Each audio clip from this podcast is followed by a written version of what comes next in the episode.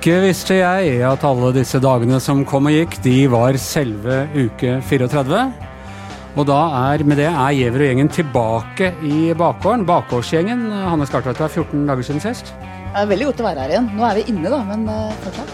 Ja, det var litt bedre vær forrige gang. Sånn er, er, den norske sommeren. Dessverre. Eller heldigvis, får vi si. Eller fremdeles. Vi snakket jo mye om klima forrige gang. Da, jeg vet ikke om du husker det, men vi hadde en fyr fra Miljøpartiet De Grønne her, som, som het uh, Eivind Trædal. Jo, det husker jeg. Ja. Det husker jeg. Var veldig opptatt av klima, klimapolitikk og klimakrisen og sånn. Og, og han mente at den ville få en stor betydning for uh, valgkampen.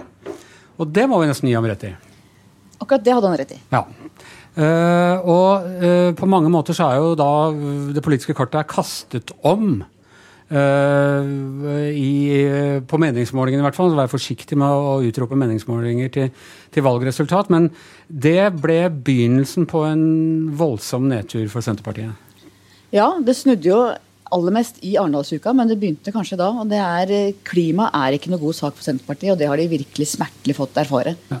Og Det fascinerende i Arendalsuka var at det var der det begynte sist for Arbeiderpartiet med nedturen. Og for Senterpartiet akkurat det samme. Målingene bare gikk rett ned i løpet av noen dager. Ja, og Det viser at, hvor viktig valgkamp kan være. Men det, nå var det vel, altså det var jo denne, de fikk jo god hjelp av denne klimarapporten eh, til FN. Øh, og, og, Senterpartiet har ikke, altså Senterpartiet hadde ikke så verst klimapolitikk de opprinnelig, men så, så ble Vedum litt overmodig og begynte å kjøre dieselbil inn på Tøyen torg. Altså, det var ikke noen sånn genistreik? Nei, han appellerte veldig til lommeboka til folk i distriktene med dieselbil, og glemte det store bildet, og det var ikke særlig smart. Særlig fordi de er blitt så store at de treffer jo mange flere enn de på bygda med dieselbil. Ja, og selv de på bygda med dieselbil har ikke så lyst til å kjøre dieselbil på Tøyen torg. Det er liksom uh, Det er jo det er liksom en, nesten en litt sånn unø... Og for nå, Vi hadde sak i VG i går at nå skulle, nå hadde, nå skulle nå skal Senterpartiet ta rev i seilene og begynne å snakke mye mer om klimapolitikk. Er det mulig for dem å redde seg inn på den på den tiden som er igjen, tror du? Nei, det tror jeg faktisk ikke. Og det er klart, Senterpartiet er jo mye mer splitta i de spørsmålene enn det vi egentlig ser. Men så lenge det har gått oppover og oppover og oppover med Trygve Slagsvold Vedum som sjef, så har jo ikke, den, har ikke folk villet melde uroen heller. For de vil jo, da sitter du stille i båten. Men så når det begynner å gå nedover, så ser vi at da melder de seg og sier at vi er faktisk mer opptatt av klima enn det Trygve Slagsvold Vedum gir inntrykk av. Men som politisk redaktør, øh, og med det store overblikket, øh, er det bra at klima har fått en så viktig øh, plass i valgkampen som det det har?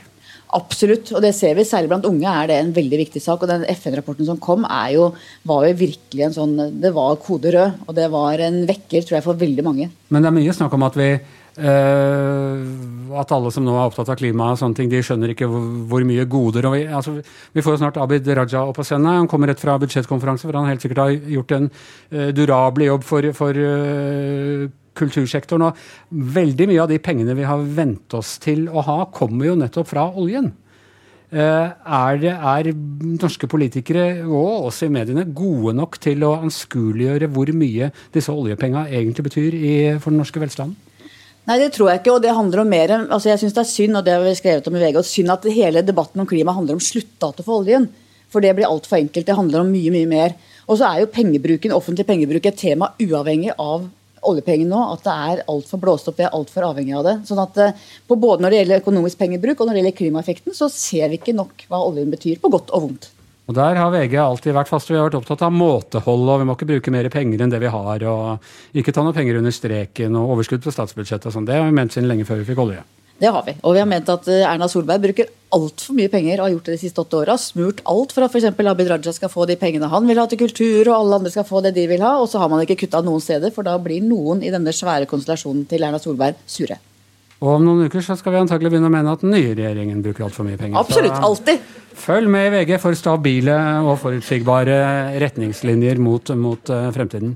Uh, Shazia Maid, velkommen uh, hit til første gang du er med her på, i bakgården. Det er bare andre gang vi er her, så det er ikke så rart. Men, ja, det er veldig gøy å få lov til å være med. Ja, og du var, du var jo publikum her sist, så du vet jo var. Og det var også veldig, veldig gøy. Ja, ikke sant? Det er, ja.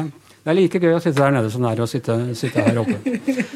Um, I år så er det 50 år siden, eller ja, i disse årene må man nesten si, så er det 50 år siden eh, de første pakistanerne kom til Norge.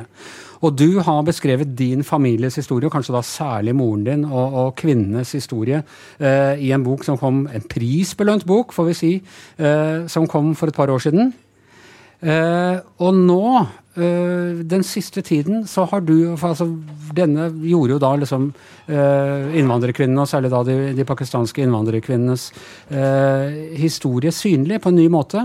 Men nå, den siste tiden, har du vært mer opptatt av de pakistanske mennene enn av kvinnene, egentlig. Ja, fordi at jeg har, jeg har eh, savnet den etniske minoritetsmannen i det offentlige ordskiftet de siste årene. Uh, jentene og kvinnene har jo tatt den kampen veldig synlig de siste 20 årene, blant annet, og uh, kjempet mer eller mindre alene på hver sin tue uh, som individer. Og det jeg har opplevd nå de siste, er jo at gutta er, forsvinner mer og mer. De, det er veldig få som tar tak i de vanskelige, kontroversielle temaene. Så, så, og, og, samtidig så innser jeg også hvor viktig menn er som allierte i kvinnekampen. Så, så, jeg har savnet den stemmen, og den eh, Det savnet blir jo litt borte da når Abid Raja kommer ut med sin bok. Ja, og bare si det kort før, før vi kaller ham opp her. Du er veldig begeistra for boken til, til, Abid Raja? Det kan man si, ja. ja.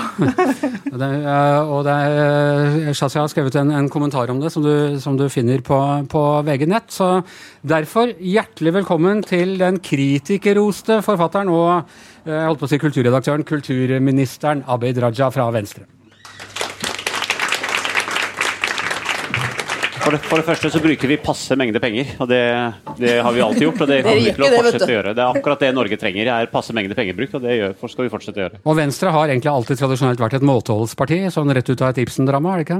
Jo, for så vidt, men vårt, vårt hovedanliggende nå er jo å få ned klimagassutslippene, og det tror jeg alle nå ser. Eh, nesten alle. Jeg ser det sitter noen Frp-ere her, men eh, etter hvert så vil de også begynne å innse at eh, det er viktig å få ned utslippene. Eh, fordi at det handler ikke bare om oss som bor her akkurat nå, det handler om generasjonene etter oss. Det handler om kloden og artsmangfoldet. og det, det, handler rett og slett om liv på jorden.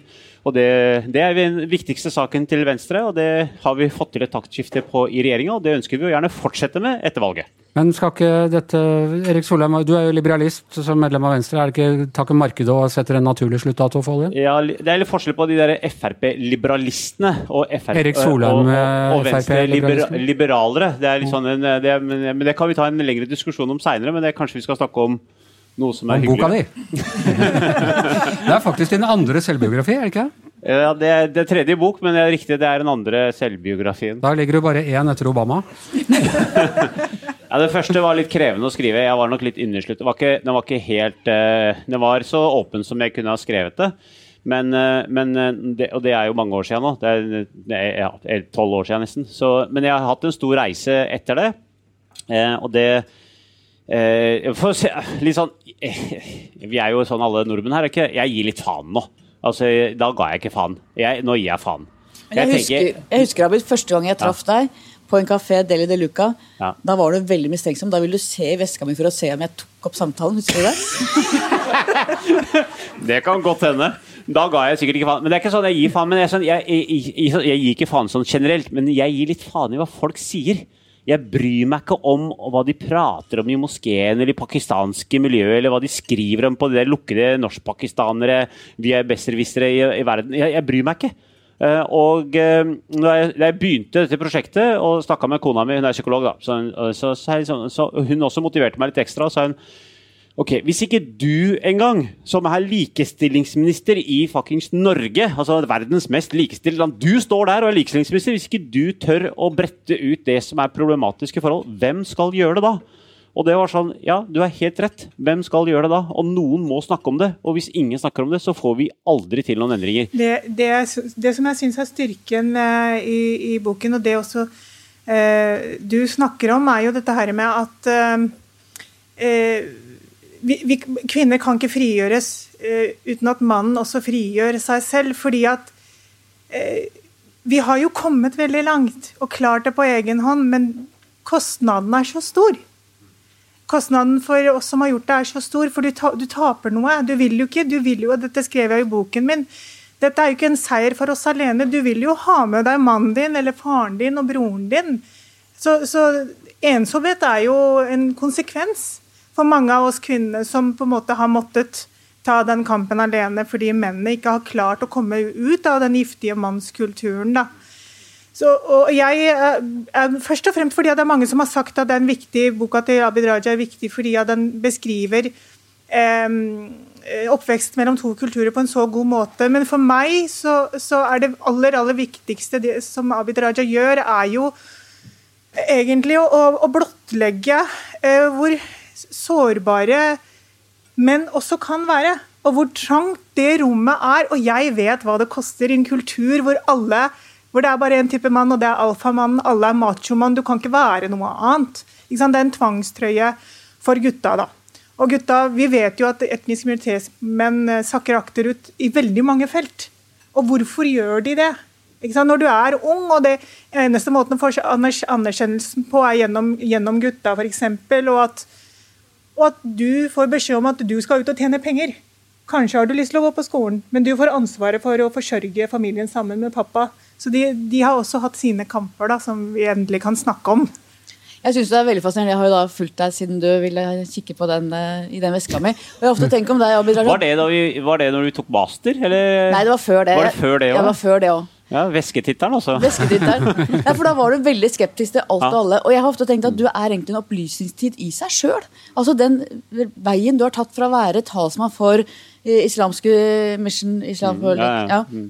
Hvor du, ja, ja. Hvor, jo, hvor du også benektet alt av Det fantes ikke sosial kontroll, det fantes ikke tvangsgifte, det fantes ingenting samtidig som du kjempet din kamp mm. for å få den du elsket, på bakrommet. Til, på bakrommet mm. Og på en måte var veldig lukket og stengt inne og i den kulturen, til at du nå bryter barriere på barriere, bryter tabuer, går ut. Jeg, jeg, jeg har ofte vært veldig beveget over den eh, utviklingen ja, du, du har, hatt der? mange av dere har jo, altså, Jeg føler meg innimellom som sånn, sånn Truman Show. Så jeg, for jeg ble, ble, jo med i offentlig debatten mot Carl I. Hagen i 1999. Ikke sant? Det, det liksom, Husker du da du insisterte på å kalle ham Carl Ivar? Ja, ja, ja, han ble dritsur, for jeg kalte han hva han het. Men, eh, men det var et sånn billig poeng, da. Så for da sa han til slutt Jeg heter ikke Carl Ivar, jeg heter Carl I. Hagen. Og da kunne jeg si du kaller meg kriminell hver dag. Og utlending og snyltre, hva tror du jeg føler? Men det var veldig billig. Men det var sånn, det er det vi lærte i studentparlamentet. Måtte bruke det vi hadde.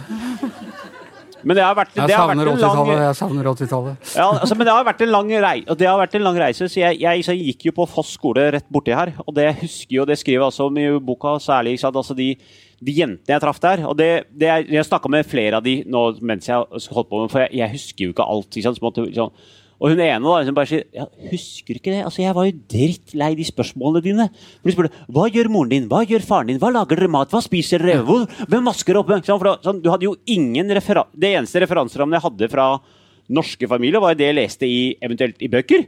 Eh, eller du kanskje innimellom fikk lov til å se på norsk TV. Så du hadde jo aldri vært hjemme hos eh, en, en nordmann når man egentlig skjønt hva de driver med. Eh, men da, jeg hadde jo også en del forstokkede meninger på det tidspunktet. Også. Ja, det hadde du. Eh, og det skriver jeg også om. Men, de, men, det var så kult med den klassen, var at de aldri aksepterte det jeg sa. Men de dømte meg aldri noe. Det var aldri sånn 'Å, faen, du er lost case, du er pakistaner' du er det var, det var på meningene. Eh, og, og, takket være jeg tror, sånn, mye av de tingene som de snakket om Jeg husker jo det, Da var jeg allerede lovet bort til kusina mi. Og jeg var klar jeg, for å gifte meg med kusina mi. Uh, før hun ene i klassen som sa 'men hvorfor vil du virkelig det'? Og det var sånn spørsmål som hm, det har jeg ikke tenkt over. Altså, virkelig, det, for det var liksom, du var programmert fra du er liten. Og det, og det er det sånn, mange jenter beskriver. Og Shazi også sånn, sier at sånn, du blir programmert fra du er liten i en viss rolle. Og som mann så blir du litt programmert at eh, hvis du har kontroll på kona di, så er du bra mann. Og har du ikke kontroll på kona di, så fy faen, for en idiot og dust. ikke sant? Og du klarte ikke det. Og når du ser dette i alle de andre, du hører dette fra du er bitte liten, så, så, er det klart det er det du også blir sjøl. Eh, og når skal du bli noe annet? Eh, og for meg så har det vært eh, Den boken er jo dedikert til min landsby av oppdragere. Eh, og det er jo ikke landsby av landsbygden hvor fattern kom fra. Det er jo alle de jeg har møtt opp igjennom. Jentene på Foss til barnevernet, til bibliotekaren, til uh, alle de jeg har møtt som motdebattanter, de jeg titta i veska på. Altså, som har vært med på å oppdra uh, Abid Raja, da, så at han ikke blei ikke blei han muslimske mannen som undertrykte kona, for det gjorde jeg på starten. Det, det, det har vært den vanskeligste biten å skrive. Eh, det, ja, for er, De snakker om at du bryter tabuer her. Det er det du skriver om, blant annet? Dine egne.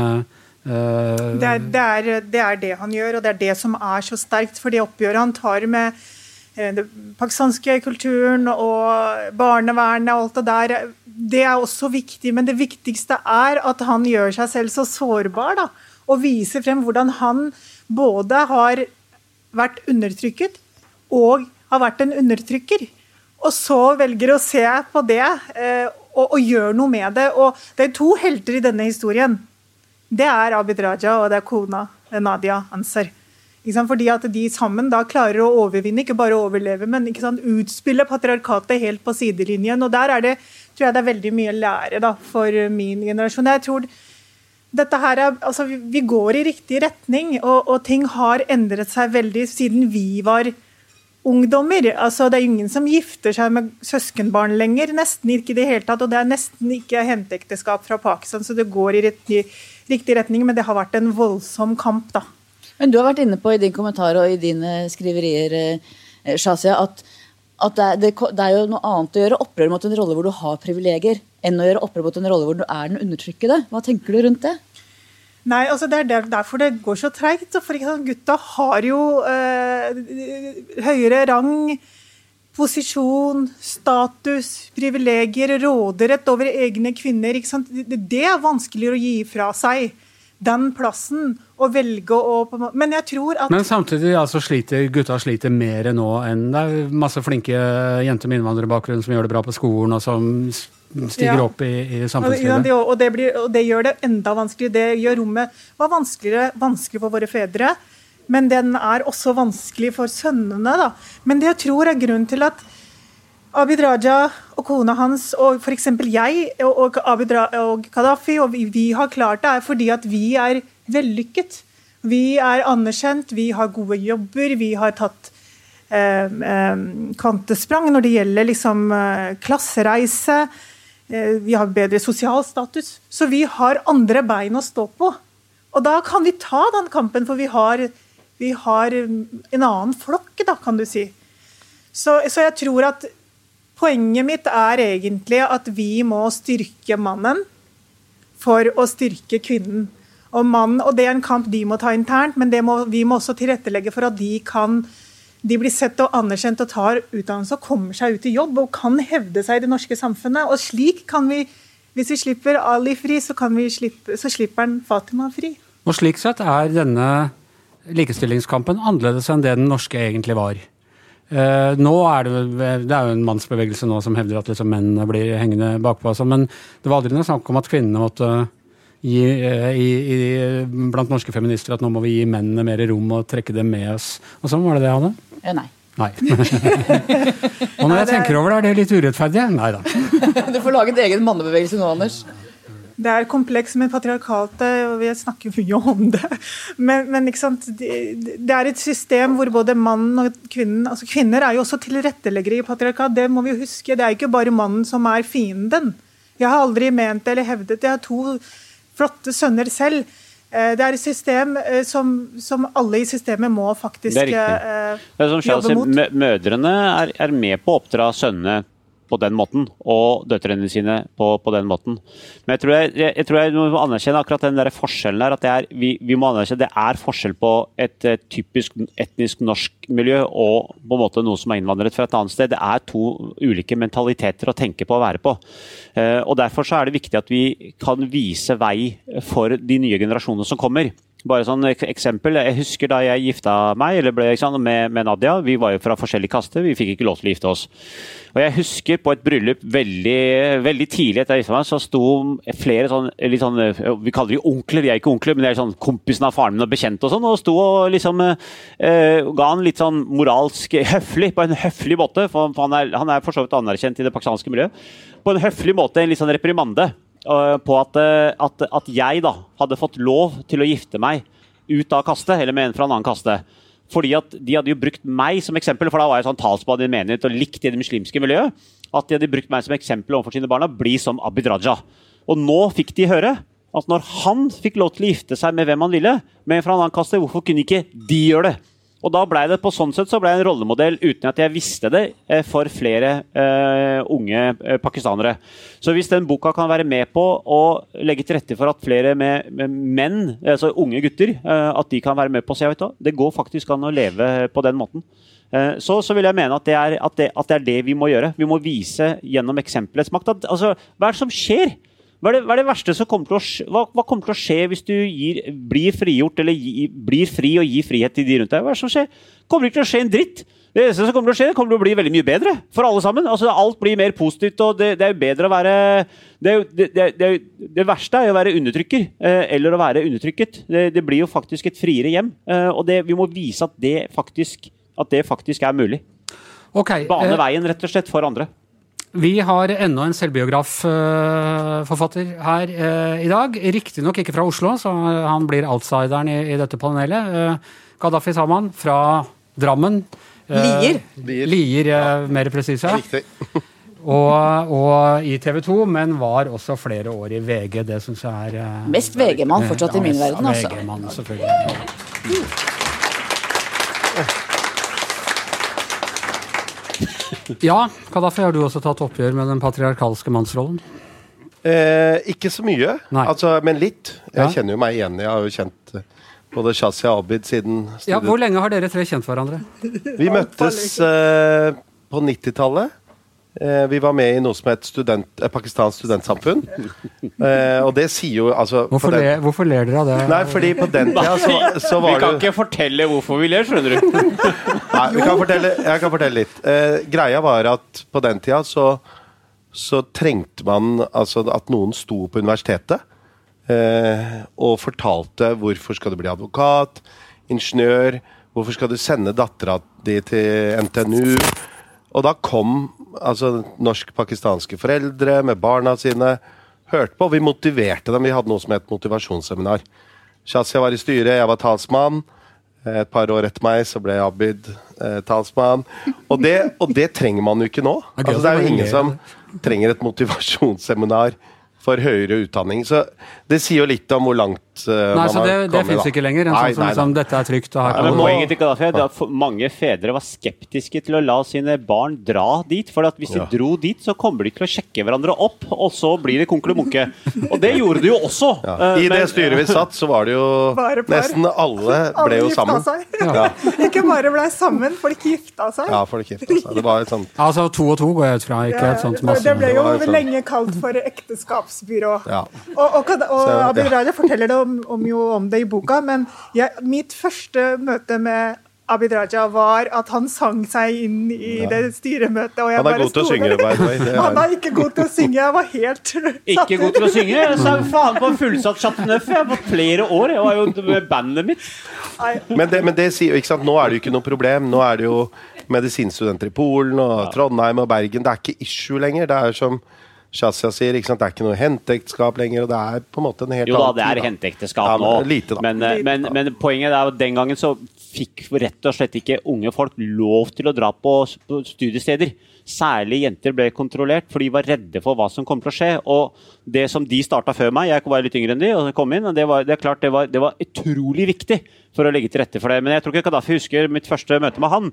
Jeg tror at jeg og han havna sammen på et sånt eh, Det skriver jeg faktisk om i boka. Det var sånn, det var, eh, vi ble invitert på Lambertseter skole for å holde foredrag. Eh, det.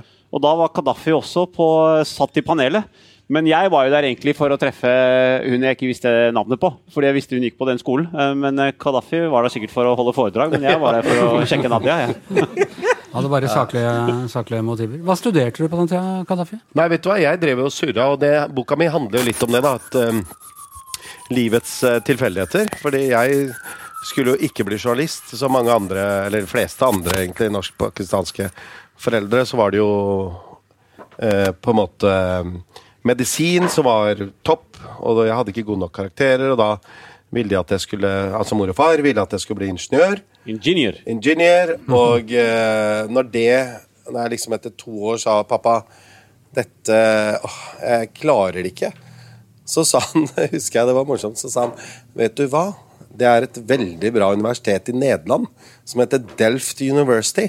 For der hadde doktor Khan, han som lagde den pakistanske atombomben, han hadde gått der. Og kan ikke du dra dit, da? Og så, Det er mye bedre enn Oslo ingeniørhøgskole.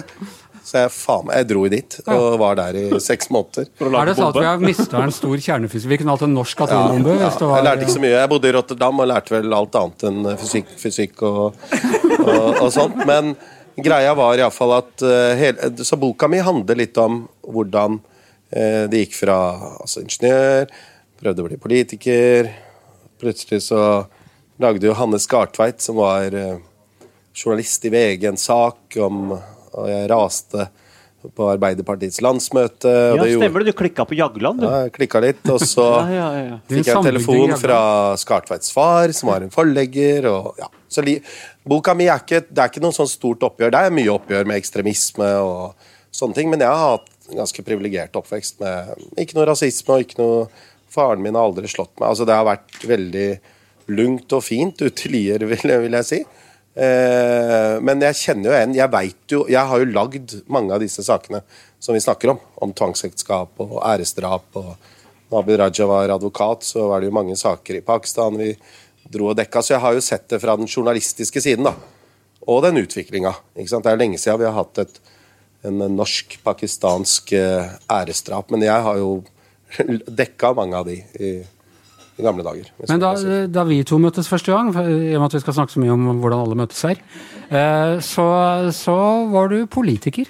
Ja, og det var jo også litt sånn eh, flaks, fordi det var en hyggelig dame i Lier som sa at lista til Arbeiderpartiet var litt blenda hvit.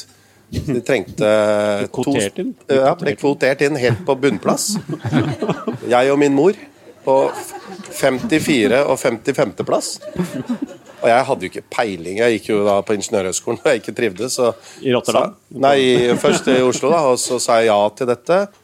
Og da ringte Drammens Tidende, husker jeg. Jeg hadde ikke fulgt med på valgkampen engang. Og så ringte Drammens Tidende, og så sa de gratulerer, du er historisk. Du er den første med innvandrerbakgrunn som er valgt inn i Lier kommunestyre, altså kumulert inn fra bunnplass. Og din mor er eh, også vara. eh, så vi ble jo løfta opp av si norsk Altså, det var jo for en tillitserklæring. Så eh, ja, så fikk jeg jo litt sånn smak på dette, da, og prøvde å bli stortingskandidat. Ja. Ja, i 97. Da var eh, 36,9 år, ja.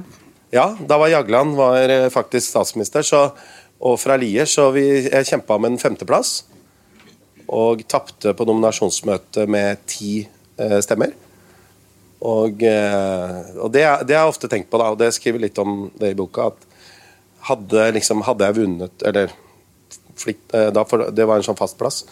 I og med at han var statsminister, så hadde jeg jo kanskje ikke Blitt vært, kulturminister? Ikke vært kulturminister, men ja, et eller annet. Atom, opposisjonspolitiker. atomminister Atom, regjeringen. Men når, når kommer, Har boka di kommet, eller er det Ja, den kommer i september. Ja, ja, så det ja. Men det er jo et annet eh, trekk i, i alle de første årene, og egentlig helt nesten opp til vår tid, så har eh, norskpakistanere gått for Arbeiderpartiet. Eh, hva er grunnen til det, eh, opprinnelig, Shazia først? Vet du hva, Den der lojaliteten til Arbeiderpartiet det har vært blind lojalitet fra den dagen de gikk av toget på Oslo sentralstasjon eh, i, på 1970-tallet omtrent. Da sto det- Arbeiderpartiet og tok imot og sa velkommen Ja. til Norge, eller hva var Ja, det? nei, da, ja, jeg tror det Nei, nesten. Det, eh, det jeg tror det var, var at Arbeiderpartiet var arbeidernes parti. Og eh, fremmedarbeidere, det var jo ingen som var lavere på den rangstigen enn det arbeiderne var. Det var det største partiet. Og derfor ble det eh, pakistanernes og fremmedarbeidernes parti. Og siden så har på en måte Og, og vår foreldregenerasjon, det, var, det har vært en automatikk i at de stemmer Arbeiderpartiet. Nå vet ikke jeg årstall, men ikke for lenge siden, jeg tror det var 10 år siden eller 15 år siden, så var 80% av innvandrerstemmene gikk til Arbeiderpartiet, SV og Rødt, og de SV og Rødt var jo veldig, veldig små.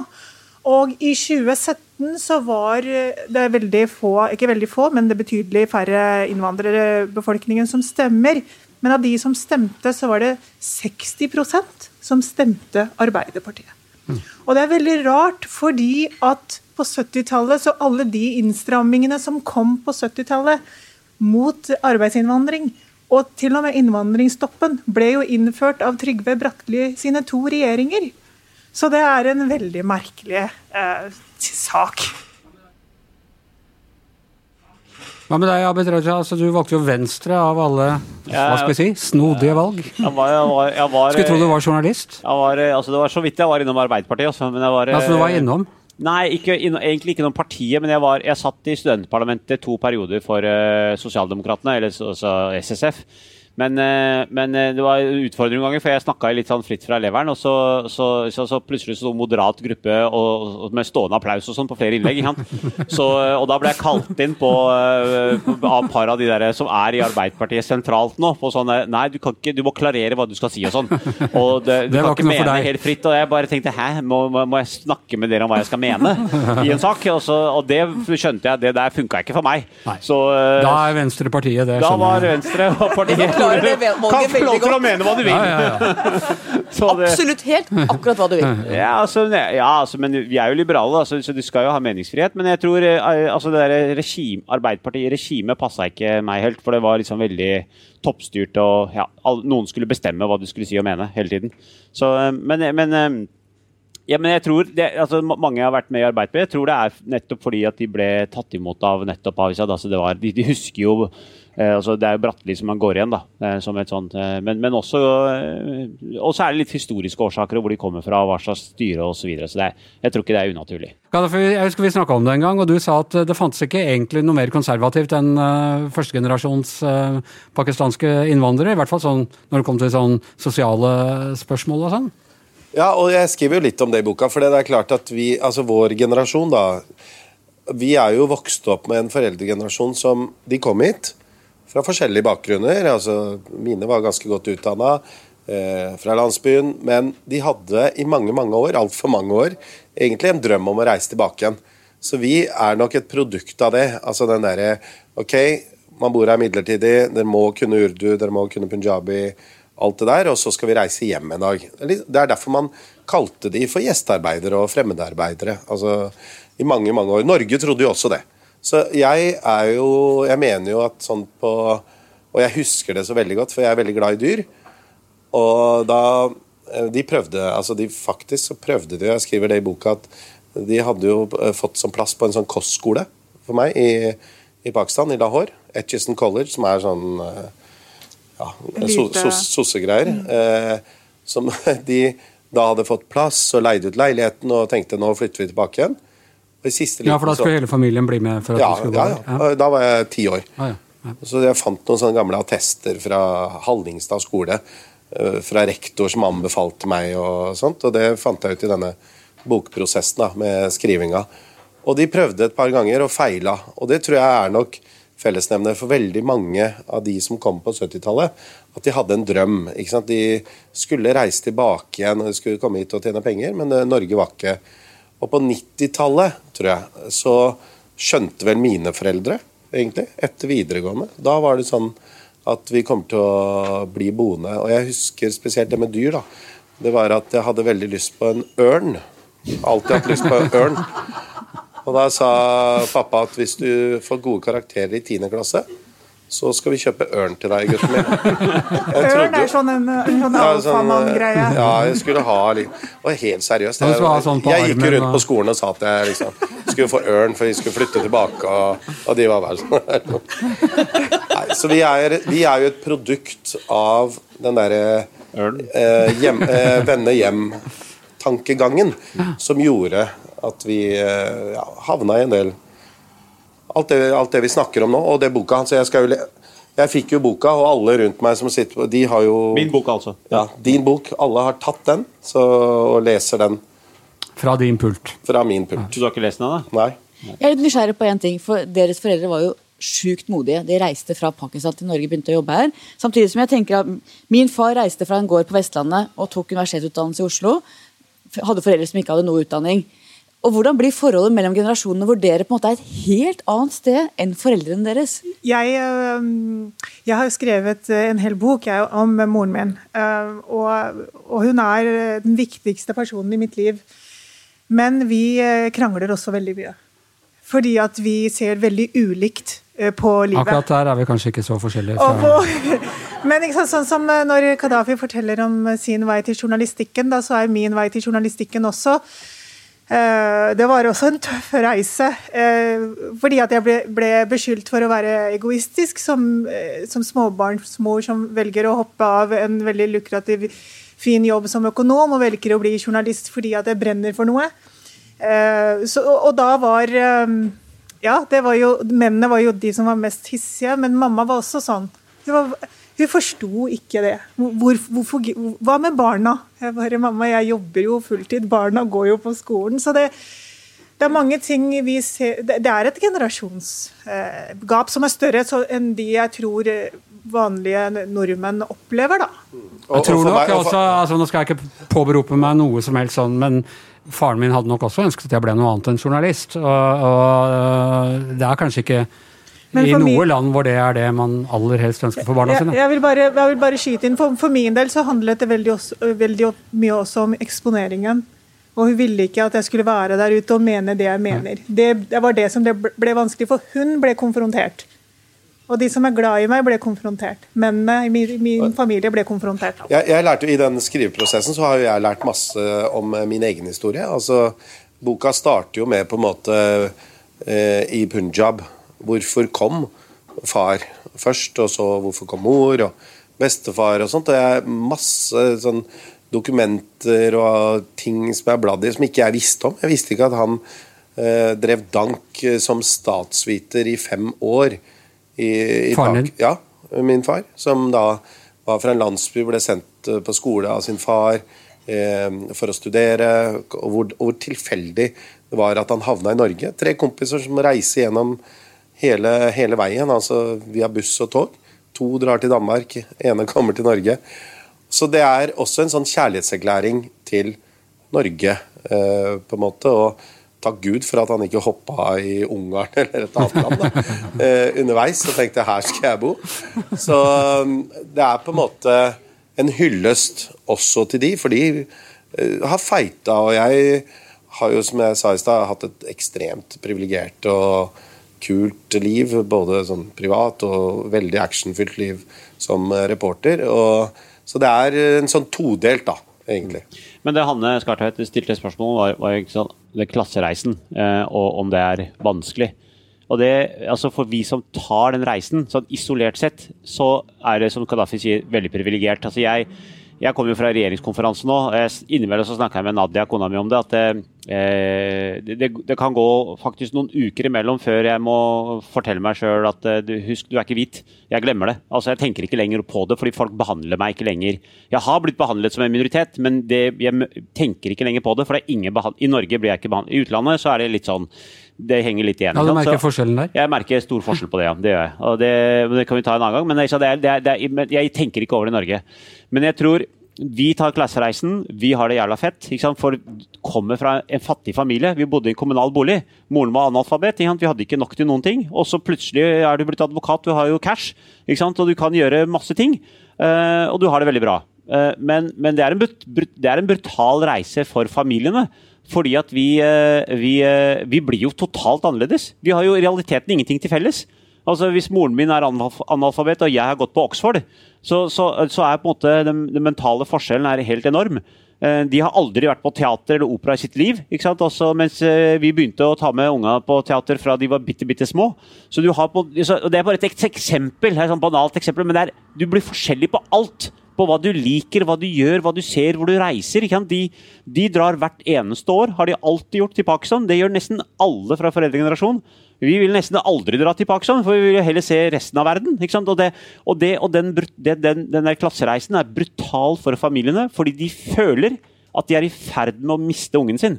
Og det gjør de jo på sett og vis òg. Og barnebarna sine, Og barnebarna sine, og det gjør de også. Og det, og, og det er på en måte litt sånn det, det, og det er vondt for de, eh, og, og de vil gjerne helst holde igjen og kontrollere deg så lenge, så lenge som mulig. Og mange, og det skriver Shadi om i boka si, jeg skriver også mye om det, og det er, det er det er der vi blir smidd inn i de der k- fengslede lenkene. For de aller fleste av oss lar oss bli fengsla fast fordi vi er så oppdratt til å være takknemlige.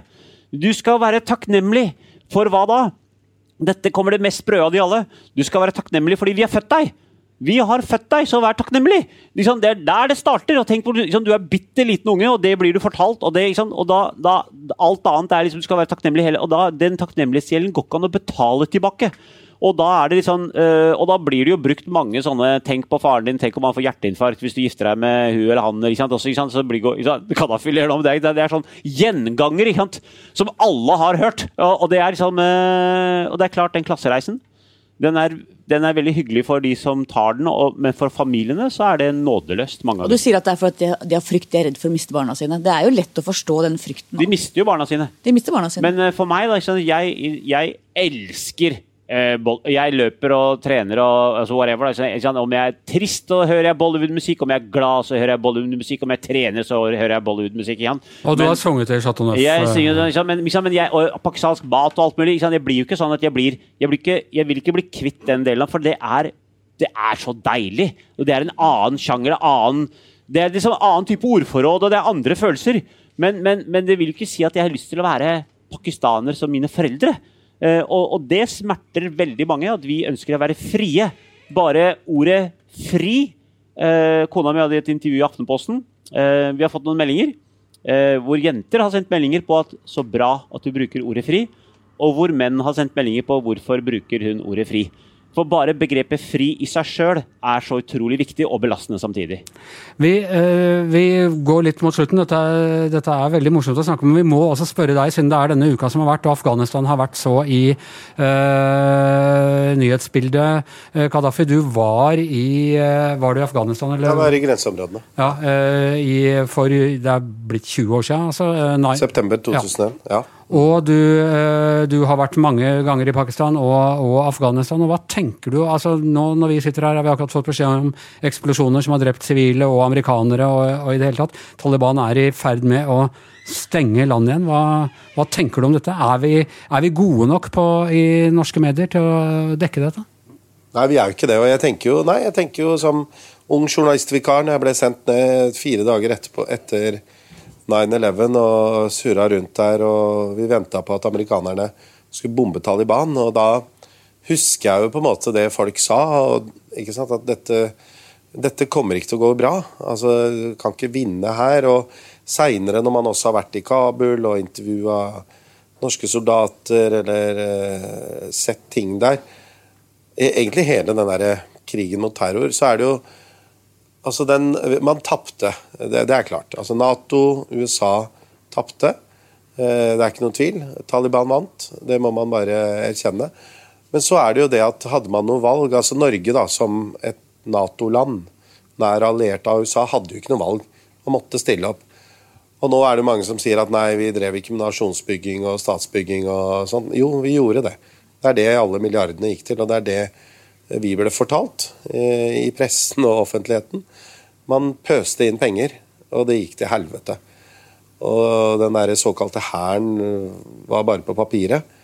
Så eh, det er et sånn fucked up opplegg som gjør vondt. Altså, jeg syns det er, gjør skikkelig, skikkelig vondt å se det som skjer. Og så får man jo se, da. De prøver jo å fremstille seg som Taliban 2-0. Jeg er ikke så veldig optimistisk. Men Tingene i dag tyder jo ikke helt på det. Nei, så, nei, og der må Norge, altså norsk, norsk media vi, Inkludert meg sjøl. Altså jeg føler at vi liksom når jeg var der og lagde saker på ja, her eh, trener spesialstyrkene afghanske altså Det var mye gladsaker, og det var pyntig. Vi har nok ikke stilt uh, så mange kritiske spørsmål som vi burde ha stilt. Både til, uh, spesielt til politikerne. Det er jo de som sender soldater. Det er jo myndighetene her. Alle regjeringene som har vært. Så Nei, det er trist. Og så, eh, helt til slutt, for å eh, runde av på en, på en litt uh, mer optimistisk tone, så har vi tenkt, tenkt vi skulle spørre alle om nå som samfunnet har begynt å åpne. Nå er vi selvfølgelig inne i fjerde bølgen, så det er kanskje litt dårlig timing, men når var du sist på kino? Eh, kulturminister Abid Raja. Du, jeg, jeg, jeg, fikk en sånn krystallsyke her om dagen, så jeg lå på sjukehuset. Så jeg skulle egentlig, eh, skulle egentlig til, eh, ja, til, Haugesund da, på mandag for, ja. for, å se på Eskil sin film, men det, det drakk jeg ikke. Men jeg, sist jeg var på kino, var egentlig Cannes. eh, på rød løper der, og da fikk vi jo pris for 'Verdens verste menneske'. Ja, fantastisk film av, eh, av Joachim Trier. Kjempebra. Og så har jeg vært på teater ikke så lenge siden, eller på, eh, på opera. da. Det var jo åpna 'Regimentets datter' på Oscarsborg-operaen. Det var fantastisk. Det er, det er eh, noe alle bør oppleve. Er, da, da drar du egentlig ikke for du må være Det er bra du er glad i opera, men du kan også dra dit bare for å oppleve festninga og det, det, det kulturelle det, det innebærer. Så nå som det åpner opp, så oppfordrer jeg alle til å løse en kinobillett. Dra på en eh, konsert på en forestilling teater der, der du er. Og vi har stilt opp med mange milliarder for å få det til. Så um, du får en uh, billig billett for, uh, mange milliarder. fra staten. Som Hanne sa, vi Billig hvis bruker riktig, ser- riktig mengde penger. Billig hvis du ikke ser på skatteseddelen. Uh, Kaddafi Nei, vet du hva, jeg, jeg, jeg husker ikke. Altså, det må ha Vi snakka om det før i dag, og du huska ikke To år, tror jeg. Nei, Nei jeg har runda TV2 Play og Netflix og HBO og alt det der. Men eh, nei, jeg husker Jeg vet ikke om det var Spiderman. men, eh, Ja. Jo, jeg husker det. Det fordi at, ja, nei, jeg fikk melding av en eller annen som sa Kadafi sitter og gråter. Han var på en sånn Rambo-film. Han gråt av glede. At det var så fantastisk. Ja, det er jo bare 40 år siden. Så um, Hanne, hva har du sett? Jeg tror faktisk ikke jeg har vært på kino siden før eh, alt stengte ned. Og da tror jeg jeg så en sånn superheltfilm sammen med sønnen min. faktisk. Jeg husker ikke hvilken. Nei? Det er like alle sammen. vet du hva, jeg var i, jeg, Sist jeg var på kino, var i, i, i London og så en eller annen film. Men jeg var på kino da Klarte ikke å gå på kino etter det. Men jeg var på kino med sønnen min, og vi så på A Quiet Place 2, som jeg anbefaler. Og jeg savner Bollywood-filmer på kino. Å, herlig. Det gjør jeg òg. Bollywood er herlig, vet du. Dinger, dinger, ding, dinger, dinger, dinger, Du må få en sang, da. Du må jo liksom spørre om en sang. En liten Bollywood-sang til slutt. Eh. Tere liye mera dil, meri jaan, hote hai to fasle, darmiya. Det vil jeg si. En applaus. Og med det Jeg ble flau. Jeg så det på henne og med det så, så takker Giæver og gjengen for seg her fra bakgården i Torvald Meyers gate på Grünerløkka, midt i hjertet av caffè latte-beltet. Eh, tusen takk til Abid Raja, tusen takk til Kadafi Saman, takk til Sasha Maid, takk til eh, Hanne Skvartvedt. Jeg heter Anders Giæver, og vår patriarkalske overlord er som vanlig produsent Magne Antonsen.